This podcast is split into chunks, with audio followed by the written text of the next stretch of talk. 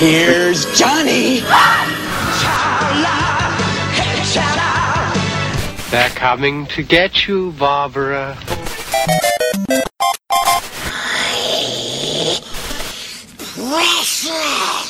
Expecto Patronum!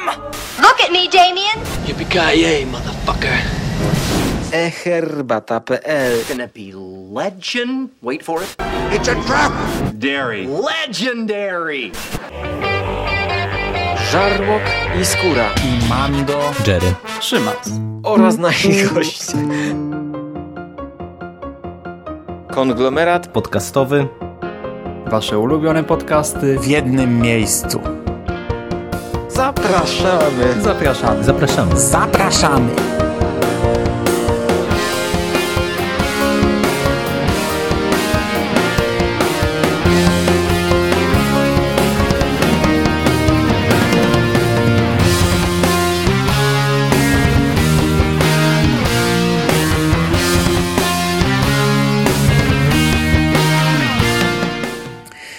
Witamy w konglomeracie podcastowym. Czyli na platformie zbierającej wszystkie wasze ulubione podcasty w jednym miejscu.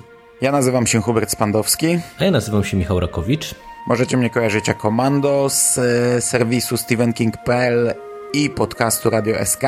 A mnie możecie kojarzyć jako Jerego z bloga Jerry's Tales oraz oczywiście konglomeratu podcastowego. A dzisiaj zapraszamy Was na kolejny podcast e, z okazji eventu przygotowującego nas do premiery kinowej nowego filmu z Uniwersum Gwiezdnych Wojen pod tytułem Łotr 1 Gwiezdne Wojny Historie.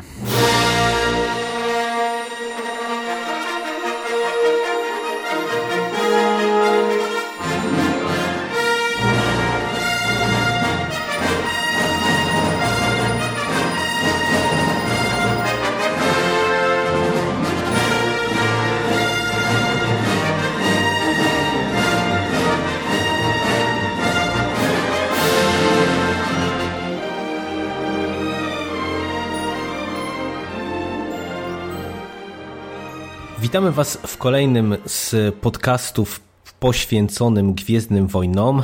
Kontynuujemy naszą podróż przez klasyczną trylogię. W ostatnim odcinku mogliście posłuchać naszych wrażeń i opowieści na temat Nowej Nadziei, E, a dziś e, zabieramy się za epizod piąty.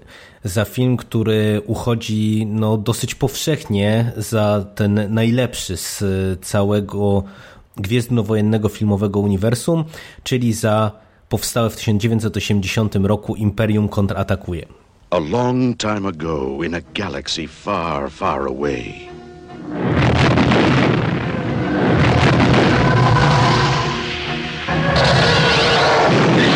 Luke, Han, and the Princess's story didn't end with the destruction of the Death Star.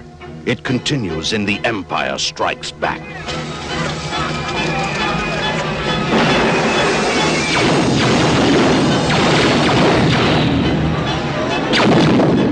The next chapter in the Star Wars saga.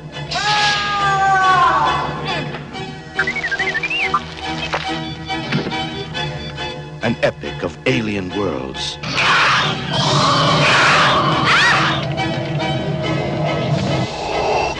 And the climactic clash between good and evil.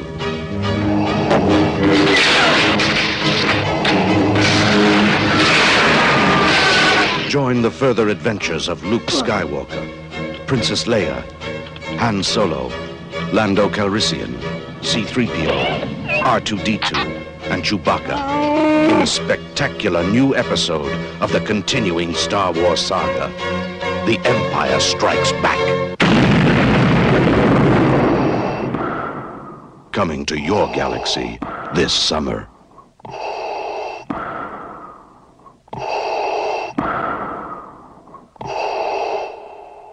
Tak jak wspominaliśmy już we wstępniaku, e, w ten tryb realizacji tych filmów, czyli epizodów w klasycznej trylogii, on był trochę inny niż jest teraz.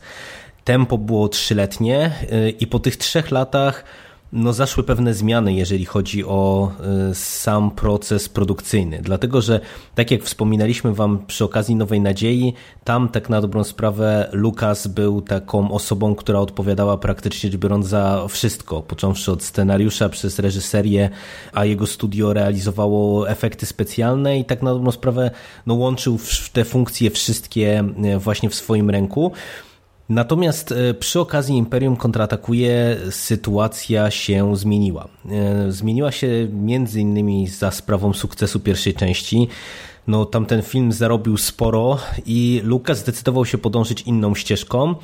Wyłożył na produkcję Imperium kontratakuje e, znaczną sumę własnych prywatnych pieniędzy i postanowił się odciąć od y, strony reżyserskiej i od całego scenariusza, którego podstawą były tak na dobrą sprawę tylko jego jakby pomysły, jego, jego opowieść, a skupić się na realizacji efektów specjalnych i całej strony technicznej.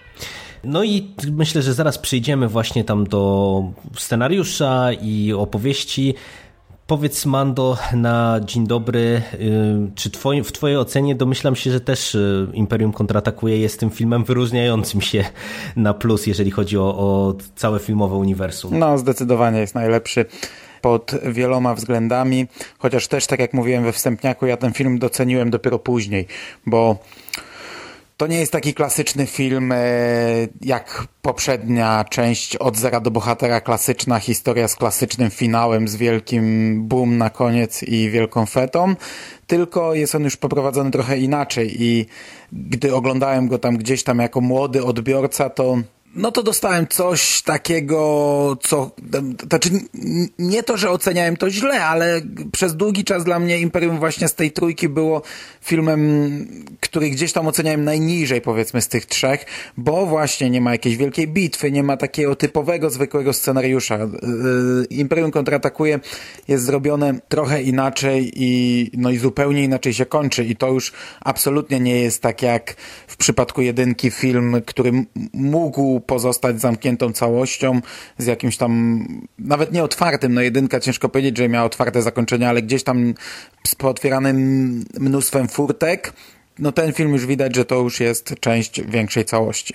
No to co mówisz, to się w sumie wpisuje w taki początkowy odbiór tego filmu, dlatego że wielu z Was może być zdziwionym, patrząc z obecnej perspektywy i właśnie statutu filmu, jaki Imperium kontratakuje ma obecnie, czyli filmu, który uchodzi za jeden z najlepszych filmów e, w ogóle w historii kina i on na wielu listach tego rodzaju jest bardzo wysoko, ale właśnie początkowo ten entuzjazm i po stronie fanów, i po stronie krytyki wcale nie był taki duży.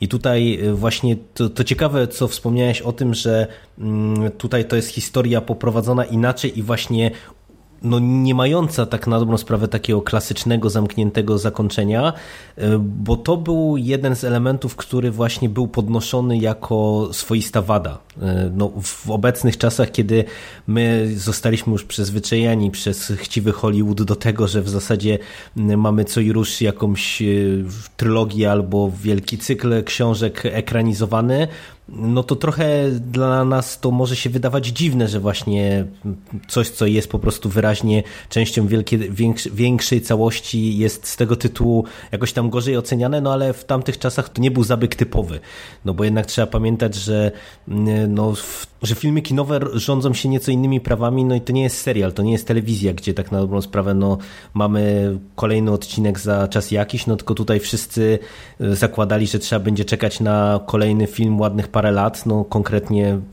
trzeba było czekać 3 lata, no i to mogło, mogło się nie spodobać, natomiast też tak jak ten początkowy odbiór był taki mieszany, tak no dosyć szybko film zyskał wiernych fanów, i wydaje mi się, że tutaj zasługą, e, czy zasługi trzeba położyć na karp e, scenarzystów. Dlatego, że tak jak wspomniałem, e, Lucas nie pisał już jakby samodzielnie tego scenariusza.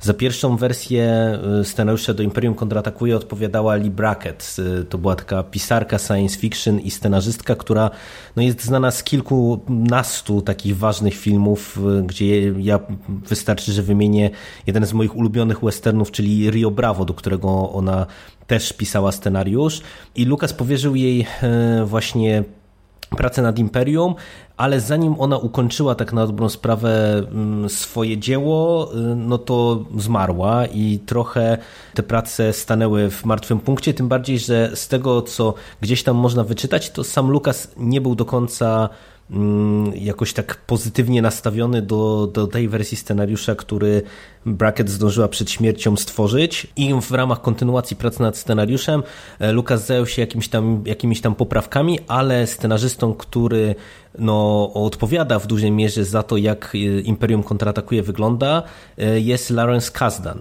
Postać, która w tej chwili jest dobrze znana fanom Gwiezdnych Wojen i w ogóle kina, no bo to też jest scenarzysta taki, który w, szczególnie w tym kinie Nowej Przygody przecież stworzył kilka różnych hitów, bo przecież on odpowiada też chociażby za Indiana Jonesa.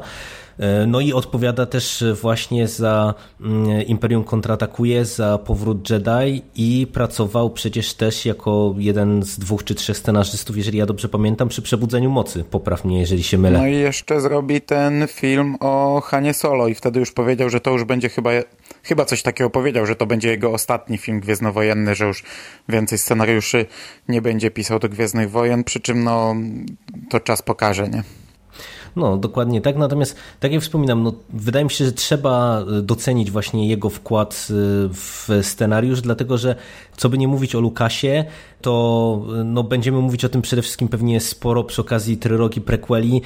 No on nie jest do końca najlepszym scenarzystą. Ale on sam sobie zdaje z tego sprawę. Jak się poczyta jakieś jego biografie, między innymi książkę, o której mówiłem przy poprzednim odcinku Gwiezdne Wojny, jak e, zmieniły wszechświat, to tam też pada taki cytat, że on krwawi gdzieś tam wewnętrznie podczas pisania, że to sprawia mu ogromną, e, ogromny problem, ogromną trudność, że on nie potrafi pisać dialogów, co, o czym się przekonamy już niebawem.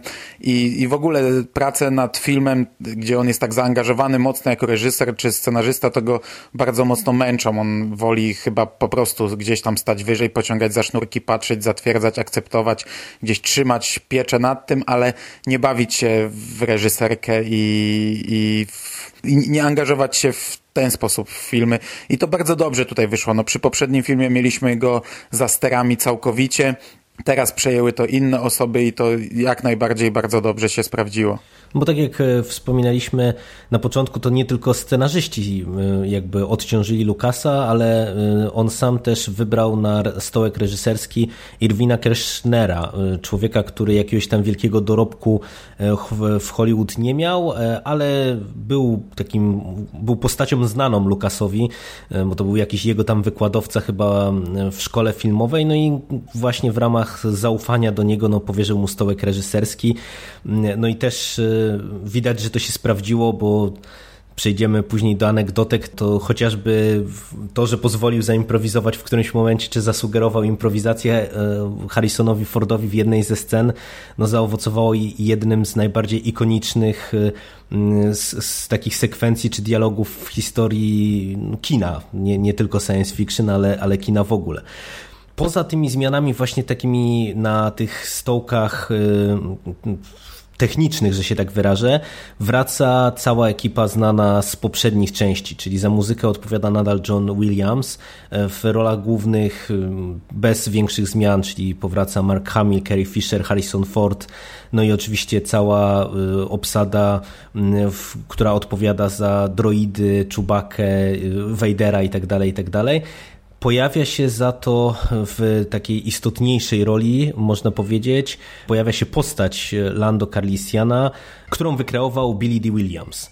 I to jest postać, która już zagości na stałe, można powiedzieć, na stałe, no, zagości na, do końca już można powiedzieć tej starej trylogii. Jest to dosyć ważna postać, która też no, jest później rozwijana w rozszerzonym uniwersum i, i jest to w ogóle dosyć istotna postać, można powiedzieć, w tymże świecie. Czy nowy kanon jakoś zapomniał o nim tak jakby, znaczy był komiks Orlando, no czyli w zasadzie nie zapomniał, no najlepszy komiks, ale w książkach za bardzo nie uświadczył śledczymy póki co tej postaci. Inna sprawa, że książki nie bardzo na razie wyszły poza ten okres, no i nie wiadomo co w nowej trylogii. Cały czas nie wiadomo co się stało z Lando Calrissianem, ale fakt, będzie to od tej pory jedna z czołowych postaci tego filmu. Oprócz tego pojawił się jeszcze Frank Oz dokładnie, z dokładnie. większych nazwisk e, nowych w tym filmie. Frank Oz, który tutaj odpowiada za Jodę, za, e, za legendarnego mistrza Jedi, który tutaj jest e, zrobiony mm, w sposób kukiełkowy. I myślę, że na razie o tych takich kwestiach bardziej technicznych to chyba tyle. Wypadałoby pokrótce nakreślić fabułę, bo no, ta się robi zdecydowanie bardziej mroczna i pogmatwana w stosunku do tego, co mieliśmy w pierwszej części. Ogólnie tak jak pierwsza część miała klimat takiego dojrzewania bohatera, który zaczynał jako chłopiec na farmie i przeżywał wielką przygodę aż do tej wielkiej ostatniej bitwy i, i wielkiej fety, gdzie tam został odznaczony. Tak tutaj klimat jest zupełnie inny. Już od początku nasi bohaterowie dostają po tyłku. W gwiezdnowojennym timeline przeskakujemy o 3 lata. Ten film, jego akcja rozgrywa się 3 lata po Nowej Nadziei. Imperium po zniszczeniu Gwiazdy Śmierci no, nie upadło oczywiście i tak naprawdę e, dość e, dobrze sobie radzi.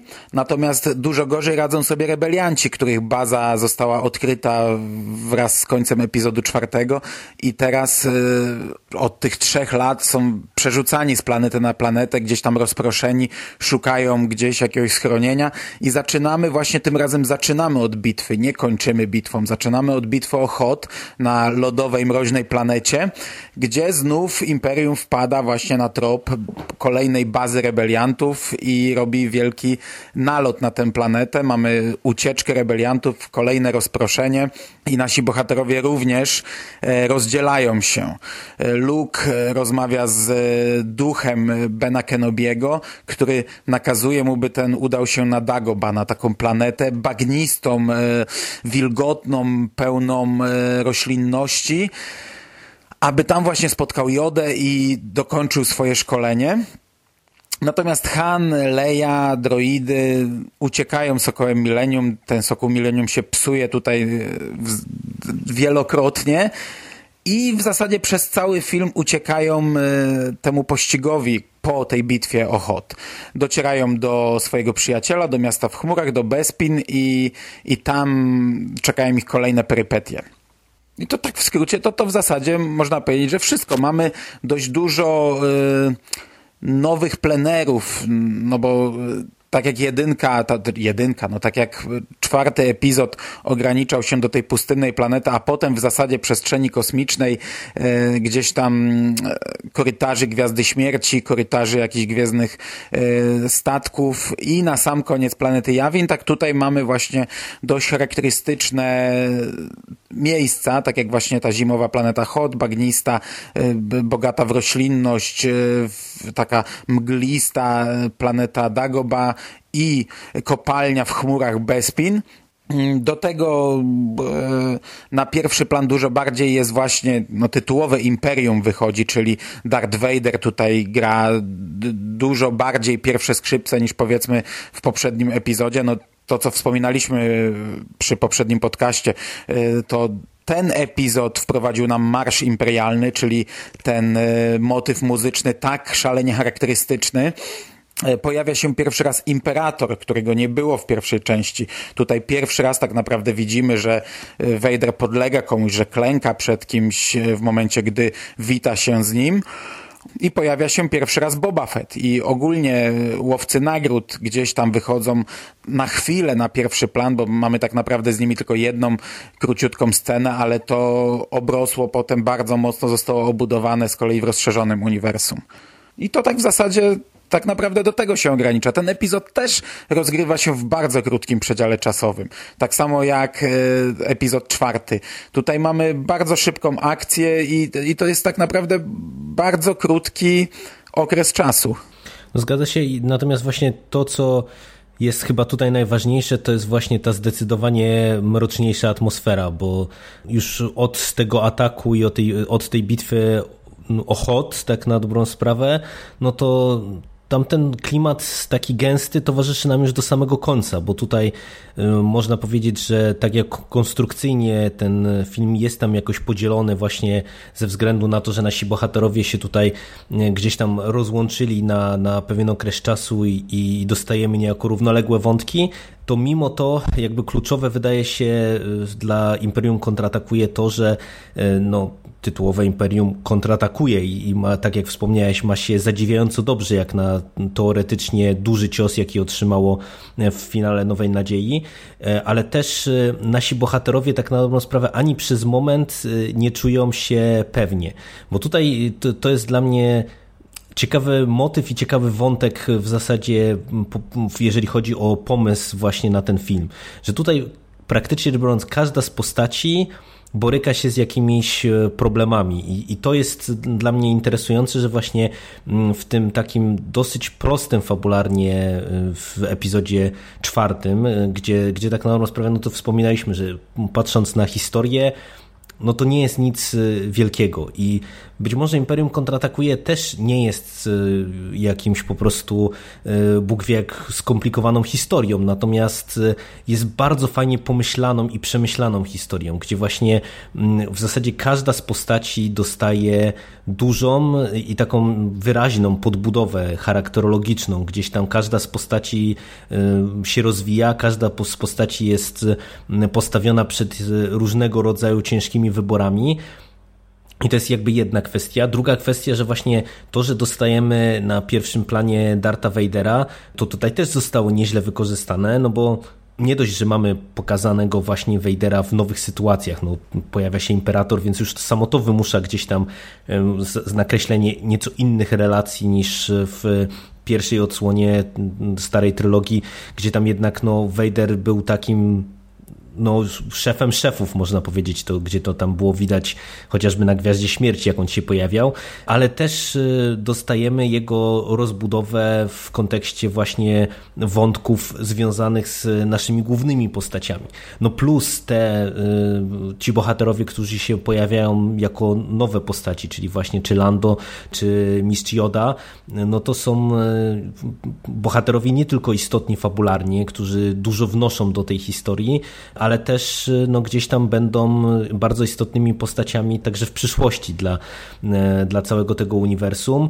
No i, i, i mi się bardzo podoba też, y, od razu wspomnę, tempo tego filmu.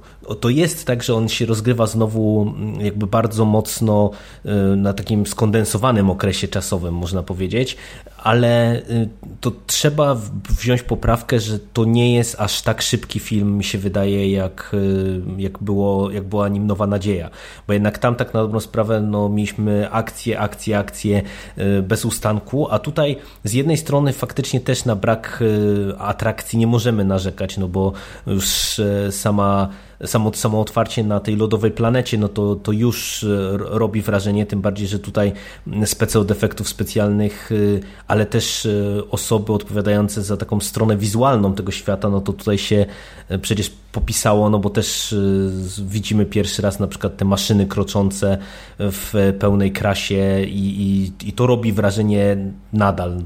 Mhm, przynajmniej mm -hmm. na mnie nadal to robi piorunujące wrażenie, mimo przecież, że ten film no, ładnych parę lat ma na karku.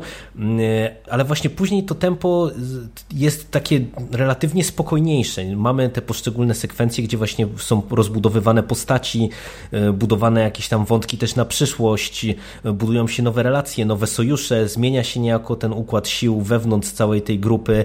E, no i nad tym wszystkim jeszcze cały czas ciąży właśnie to um, takie trochę, no nie powiedziałbym, że może poczucie beznadziei, bo to by była za dużo, ale, ale pewien taki niepokój, że jednak ta rebelia, której no, kibicujemy, no, jest zagrożona jak prawie, że nigdy wcześniej czy ja wiem, czy za dużo, to między innymi właśnie dlatego ten film przez dzieci może być odbierany gorzej, bo może przez cały czas nie ciąży beznadzieja, ale kończy się to bardzo beznadziejnie. No.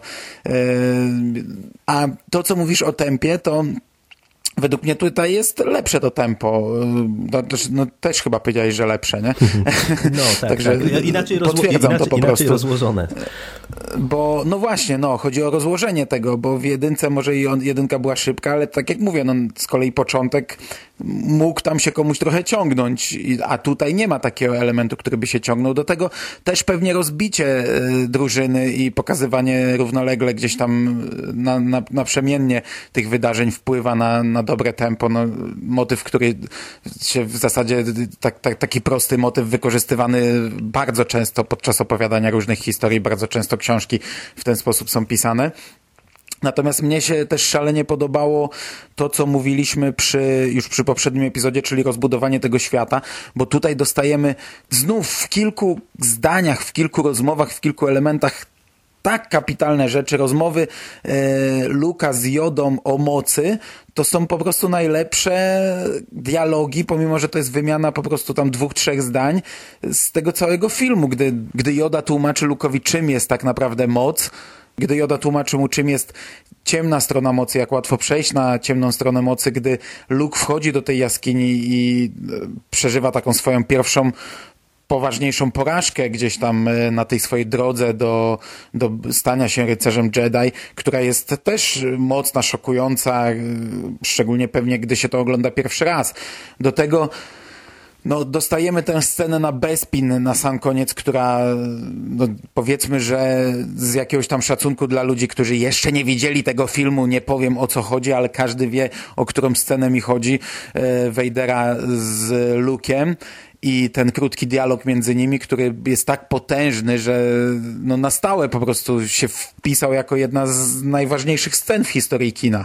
Nie, no to, to jest siła absolutna Imperium kontratakuje, bo ja bym nawet zaryzykował stwierdzenie, że to jest właśnie e, no, prawdziwy majstersztyk, jak tutaj takimi drobnymi pociągnięciami ten świat jest rozbudowywany i czasami na bazie jakichś prostych patentów właśnie jak dużo się dowiadujemy, bo przecież nawet spójrzmy na to chociażby przez pryzmat tych łowców nagród, nie? Tak jak wspomniałeś, no przecież z punktu widzenia mm, filmu, no to jest scena dosłownie no prawie że migawka, w której widzimy y, całą ferajnę z Bobą Fettem na czele, a przecież to dla tego świata przedstawionego, no to przecież to było to był bardzo istotny element, kiedy, gdzie go wprowadzono tak na dobrą sprawę i to przecież było rozbudowywane i dalej w filmach i, i przede wszystkim, tak jak wspomniałeś, w, w całym uniwersum, ale y, no tutaj na przykład pod kątem właśnie nawet tego urozmaicenia, gdzie właśnie y, to aż trochę wygląda, y, powiedziałbym może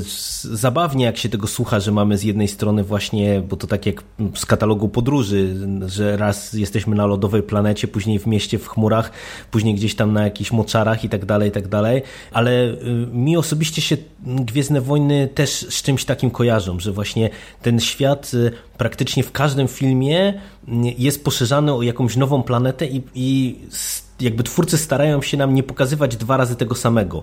To no, też wybiegając trochę w przyszłość, to jest jedyna chyba jasna rzecz z Ataku Klonów, którą ja zawsze wspominam, że tam po prostu jak mamy właśnie takie sekwencje podróży tam Obi-Wana na przykład y, przez te poszczególne światy, no to to się sprawdza świetnie i tutaj też to wypada świetnie.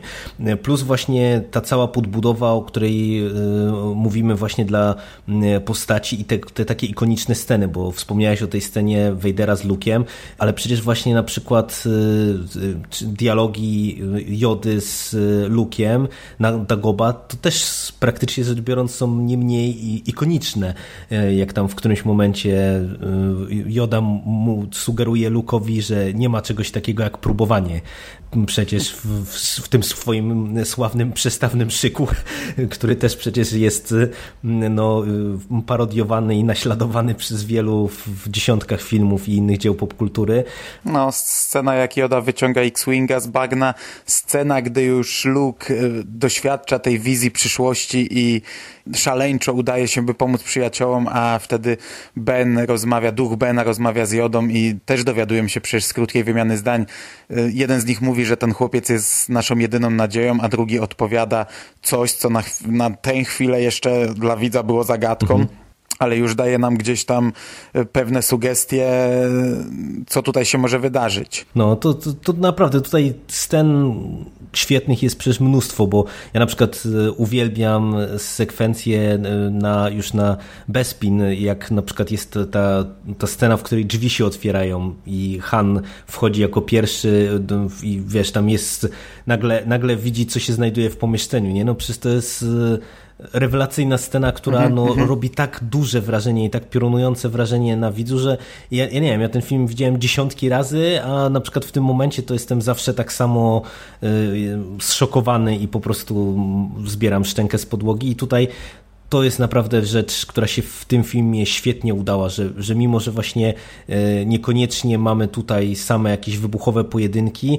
to właśnie często w scenach takich, no wydawałoby się w miarę statycznych, no po prostu mamy takie stężenie emocji i, i, i takich fajnych pomysłów na, na to, jak to wszystko rozbudować, że no to ogląda się to z wypiekami na twarzy po prostu. Ja jeśli bym miał powiedzieć, za czym nie przepadam w Imperium, to chyba do końca mi się nie podoba to, jak na samym początku Vader kosi ich wszystkich, że tam wystarczy jeden błąd. Znaczy ja wiem, że to gdzieś tam buduje potęgę Vadera, ale to takie do przesady jest, że ktoś tam popełniał błąd, Vader dusi, kolejny awansuje, kolejnego dusi, kolejny awansuje. Y, może to po prostu za szybko jest pokazane, ale za, za, za tym elementem nigdy jakoś szalenie nie przepadałem. No chociaż to w sumie wydaje mi się, że to o ile jest to pewnie dyskusyjne, to to, to też jest później wykorzystywane wielokrotnie jako właśnie taki, taki pomysł na Vadera, gdzie on właśnie czasami jest pokazywany jako taki no już bezwzględny do przesady po prostu, także ja to jakoś zawsze tam kupowałem, ale no rozumiem, że to może się nie podobać akurat ten element znaczy myślę, że chyba tyle o fabule wam wystarczy. Tak rozmawialiśmy, że raczej nie będziemy się chcieli bawić w jakieś tam sekcje spoilerowe, no bo to chyba specjalnie nie ma sensu. My nic nowego tutaj nie powiemy, a co najwyżej byśmy się rozpływali nad swoimi ulubionymi e, scenami, więc, więc myślę, że to możemy sobie podarować. To, o czym warto jeszcze powiedzieć przy okazji Imperium kontratakuje, to to że ten film się dużo lepiej starzeje niż y, Nowa Nadzieja. Ale jest w tym też zasługa właśnie efektów specjalnych, bo jednak Imperium kontratakuje miało budżet no tam trzykrotnie wyższy, szacuje się, niż y, poprzednia odsłona. No i to widać. I, i mimo, że tutaj tych scen takich e, efektownych nie brakuje, to widać, że tutaj naprawdę y, Industrial Light and Magic i specjaliści od efektów specjalnych, też praktycznych, no odwalili odwalili kawał dobrej roboty, no bo mm, tutaj jak mamy te plany właśnie chociażby na Dagoba z, zatopionym X-Wingiem, e, albo jak właśnie mamy tą scenę bitwy na Hot, no to tak jak ja już wspomniałem chwilę temu, no to po prostu to nadal potrafi zrobić E, rewelacyjne wrażenie, mimo że teoretycznie wydawałoby się, że to technika już poszła na tyle na, naprzód, że te niektóre elementy e, gdzieś tam się będą starzały. I, I, też jak o technice mówimy, no to przecież chociażby sam mistrz Joda, no, który tutaj jest kukiełką, a którego później w nowych e, epizodach zastąpił wygenerowany komputerowo Joda. No i, i na przykład jak się spojrzy z tej perspektywy, no to widać, że no jednak efekty praktyczne dobrze zrobione, no to po prostu no. szacun, szacun. A zresztą przecież w Mrocznym Widmie, w pierwszej wersji Mrocznego Widma Joda był kukiełkowy i był 100 razy gorzej zrobiony niż w Imperium Kontratakuje. To dopiero teraz w tych najnowszych edycjach podmienili już w Mrocznym Widmie też go na, na wersję komputerową. On wyglądał przecież tragicznie w Mrocznym Widmie Joda. Znaczy, to, to wina po prostu kukiełki, tak jak, jak, jak to, jak tam zaplanowali, jak on ma wyglądać, będąc tam młodszym o te 30 lat, ale wyglądało to dużo gorzej. A tutaj świetnie wygląda Joda i w ogóle wszystkie sceny na Dagobah mi się strasznie podobają. To jest takie teatralne trochę, te, tam, tam mgła, te opary, te jakieś tam takie ptaki jak, jak, jak dinozaurowe trochę latają. E, bardzo fajnie to wygląda. Natomiast ten film oczywiście też się starzeje, no to widać, no to jest film, który ma 37 lat. Jak się obejrzy oryginalną wersję Imperium kontratakuje, to tam widać mnóstwo e, rzeczy takich sztucznych i to, co kuje w oczy, no to, no to kuje w oczy. Ale ja akurat w przypadku Imperium lubię te zmieniane wersje, bo tutaj właśnie mamy podrasowane efekty. Tutaj nie ma e, zbyt wielu zmian tak naprawdę w tych kolejnych edycjach tego filmu. A te, które są, moim zdaniem nie są kontrowersyjne. Głównie one opierają się na jakiś e, poprawianiu wizualnej jakości tego filmu, plus gdzieś tam tradycyjnie zmiany głosu, bo wymieniany był chyba aktor, który mówi za Boba Fetta i to nawet nie wiem, czy dwa razy nie był wymieniany. I nie wiem, chyba też był wymieniony właśnie na aktora, który grał go w prequelach, mhm. bo e, w tej ostatniej z edycji z 2004 roku, no teraz już przedostatniej, bo Blu-ray jeszcze wyszedł, to właśnie zmiany też polegały na tym, żeby trochę dopasować e, starą trylogię do nowej trylogii i to czasami wychodziło źle, jak chociażby w ostatniej scenie powrotu Jedi, do czego tak, tak, tak. przejdziemy nie, niebawem, a czasami wychodziło całkiem nieźle i według mnie tutaj naj, najbardziej taką istotną, kluczową zmianą w Imperium kontratakuje to jest podstawienie Imperatora. Ponieważ mamy tę rozmowę Wejdera z hologramem Imperatora i w oryginale to była twarz jakiejś kobiety, głos jakiegoś mężczyzny, jakiegoś aktora broadwayowego i na twarz tej kobiety nałożone były oczy szympansa. I tak wyglądał ten hologram e, przez pierwsze, w pierwszej i chyba też w drugiej wersji tej, tych, tych edycjach specjalnych, które leciały w kinie w latach 90., pod koniec lat 90. Natomiast e, w 2004 na DVD właśnie została ta scena zmieniona i został podstawiony aktor, który grał Palpatina w prequelach, ale co ciekawe, on również grał Imperatora w Powrocie Jedi, także jak dla mnie jak najbardziej okej okay i to jest jak dla mnie super zmiana. Plus ten cały dialog został przeciągnięty. W oryginale na przykład nie padało to zdanie, że imperator informuje tam Vadera, że gdzieś tutaj pojawił się syn Anakina Skywalkera i że dobrze by było go przeciągnąć na naszą stronę. Tego zdania nie było w oryginale. Ono jest tutaj. Teraz jak, jak śledzimy kanon, wiemy, że Vader wiedział tak naprawdę o tym od trzech lat, e, ponieważ w komiksach dowiedział się od Boby Fetta, kim był pilot, który zniszczył Gwiazdę Śmierci. Jak dla mnie ta zmiana jest super. To wygląda 100 razy lepiej niż w oryginale i fajnie pasuje nawet nie tylko do prequeli, ale również dużo lepiej współgra z kolejnym epizodem, czyli z powrotem Jedi. No ja tutaj się zgadzam w pełni. No, dla mnie po prostu ten film naprawdę pod kątem właśnie technicznym, wizualnym to nadal e, czapki z głów. Tym bardziej, że to nie, nie wspomniałem nawet o tym wcześniej, a tutaj też mi się szalenie podoba, jak są właśnie wszystkie tła wykorzystywane i krajobrazy, bo, bo tutaj naprawdę nie, nie dość, że właśnie fajnie wyglądają te wszystkie mm, makiety i jakieś tam przedmioty, statki i tak dalej, i tak dalej, to właśnie to mamy znów to, co chwaliliśmy chociażby przy okazji Iłoków, czyli to, że jednak tutaj e, jak widzimy gdzieś jakieś tła czy krajobrazy, no to, to naprawdę wygląda po prostu bajecznie, nie? To wystarczy przywołać chociażby e, przylot na, na Bespin i, i to, no to jest po prostu coś, co wygląda kapitalnie. No i, i, duża w tym zasługa właśnie i strony tej technicznej i samej strony koncepcyjnej, no bo, bo tutaj też właśnie nie dość, że to wygląda ładnie po prostu, bo zostały estetycznie wykonane, to, to tutaj widać, że miano pomysł właśnie na te wszystkie poszczególne elementy, no i to te wszystkie małe, ale perfekcyjnie wykonane rzeczy robią nam to, co robią, czyli czynią właśnie z Imperium Kontratakuje tak wyjątkowy, tak unikalny i tak świetny film. Nie mamy wielkiej stacji kosmicznej, ale pojawia się pierwszy raz statek Vadera i to też jest kapitalna scena, gdy on się pojawia, gdy widzimy te wielkie statki imperialne, które do tej pory były potężne, robiły ogromne wrażenie i nagle tam jed, jed, na jeden jakiś cień jest rzucony i widzimy skalę tego egzekutora, mhm. tego gwiezdnego niszczyciela Vadera i te stateczki. To motyw, który teraz będzie też w Łotrze wykorzystywany, przynajmniej tak na trailerach było widać, gdzie tam na przykład sam ten... Mm, ten element Gwiazdy Śmierci, ten kurczę, jak to się nazywa, ten, który strzela, mhm. gdy jest montowany, to taki cień zakrywa cały wielki statek imperialny i, i, i też później oddalenie i widzimy skalę tego wszystkiego i to, to też kolejna świetna scena. No mówię, tutaj zdecydowanie byśmy mogli się pewnie rozpływać nad wieloma rozwiązaniami, no bo, no bo to jest udany pod praktycznie biorąc każdym względem film. I nie wiem, czy my mamy coś kurcze jeszcze do dodania, bo byśmy się musieli Anegdotki. chyba w, w, w, wgłębić w fabułę. No, no to, to ten. Chciałeś dwa zdania o anegdotkach. Na początku nie, nie, nie rozumiałem, o której scenie mówisz, ale przypomniało mi się. Chodzi ci o dialog e, Kocham cię, Tak, wiem, tak, I love tak, you, tak, know, tak, dokładnie. No.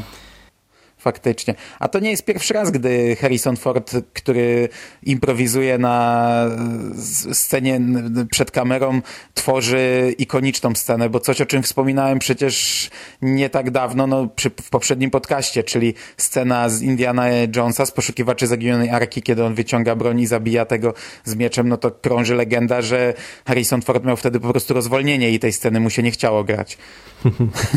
No, no tak.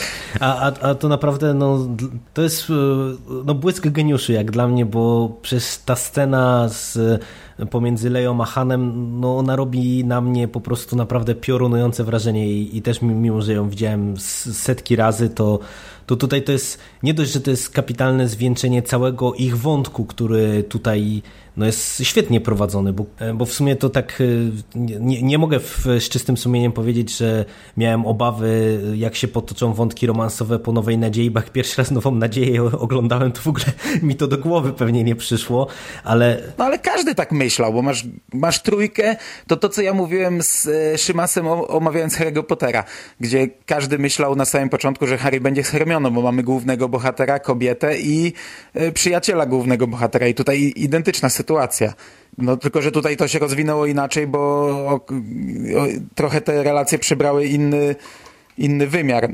No, do- dokładnie- później, jeszcze nie w tym filmie. Do, nie? dokładnie tak. Natomiast y, ja mówię, że to jest po prostu zwieńczenie bardzo fajnego wątku, bo y, mi się bardzo podoba, jak tutaj ta relacja pomiędzy Leją a Hanem jest prowadzona, że to jest takie trochę kłucie się tej relacji w boju, nomen omen, no, gdzie oni tam widać, że z jednej strony no ewidentnie praktycznie biorąc y, już na tych pierwszych scenach na hot mają się ku sobie i, i gdzieś tam y, serca im się do siebie wyrywają, ale z drugiej strony właśnie cały czas y, jednak ta z jednej strony pewnie poczucie obowiązku w przypadku Lei, z drugiej strony jakby to cały, cały czas wiszące nad nimi zagrożenie no nie pozwala, żeby ta relacja mogła się tak y, po prostu w pełni rozwinąć, tak jak oni by to chcieli.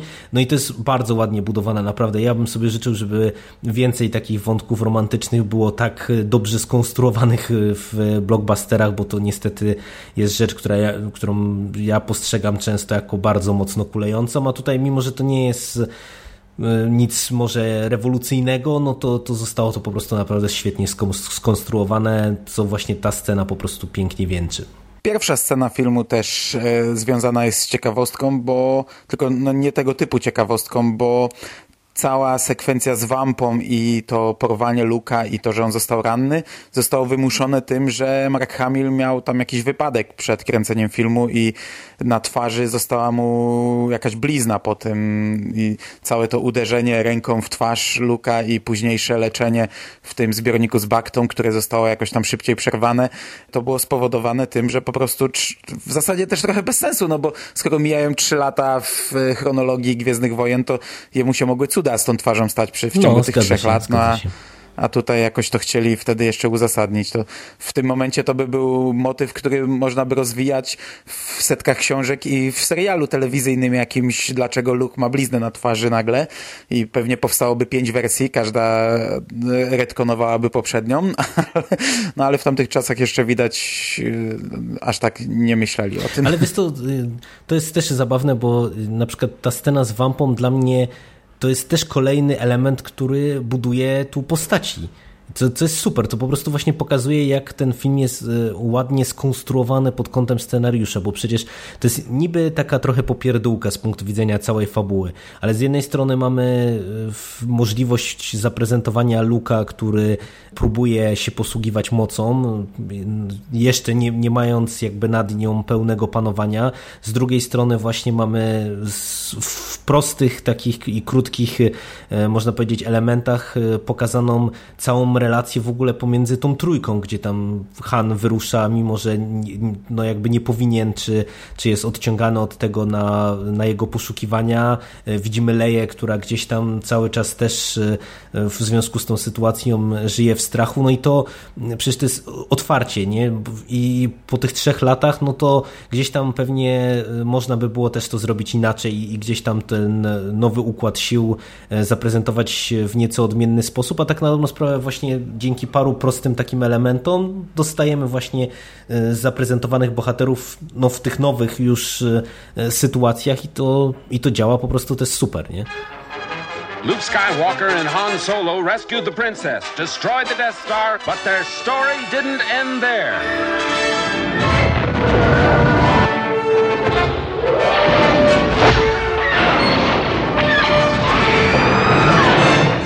Creators of the biggest smash hit of all time bring you the next episode in the Star Wars saga The Empire Strikes Back.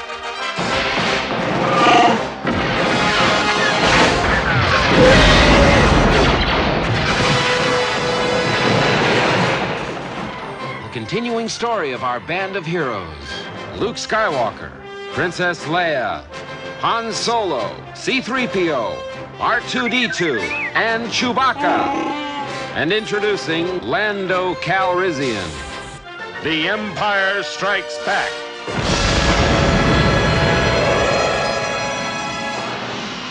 Coming to your galaxy next summer. Dzisiaj wyszedł nam krótszy podcast, jak widzicie, bo myślę, że będziemy zmierzali e, ku szczęśliwemu e, zakończeniu. I już wkrótce, mamy nadzieję, będziecie mogli posłuchać o e, wielkim zwieńczeniu tej starej trylogii, czyli o powrocie Jedi. Za dzisiejsze nagranie Wam dziękujemy bardzo. Dzięki, Mando. Dzięki również. No i tak jak wspominaliśmy, do usłyszenia wkrótce. Cześć.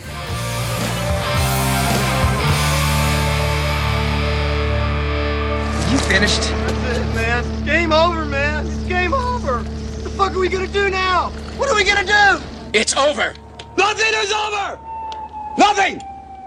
You just don't turn it off!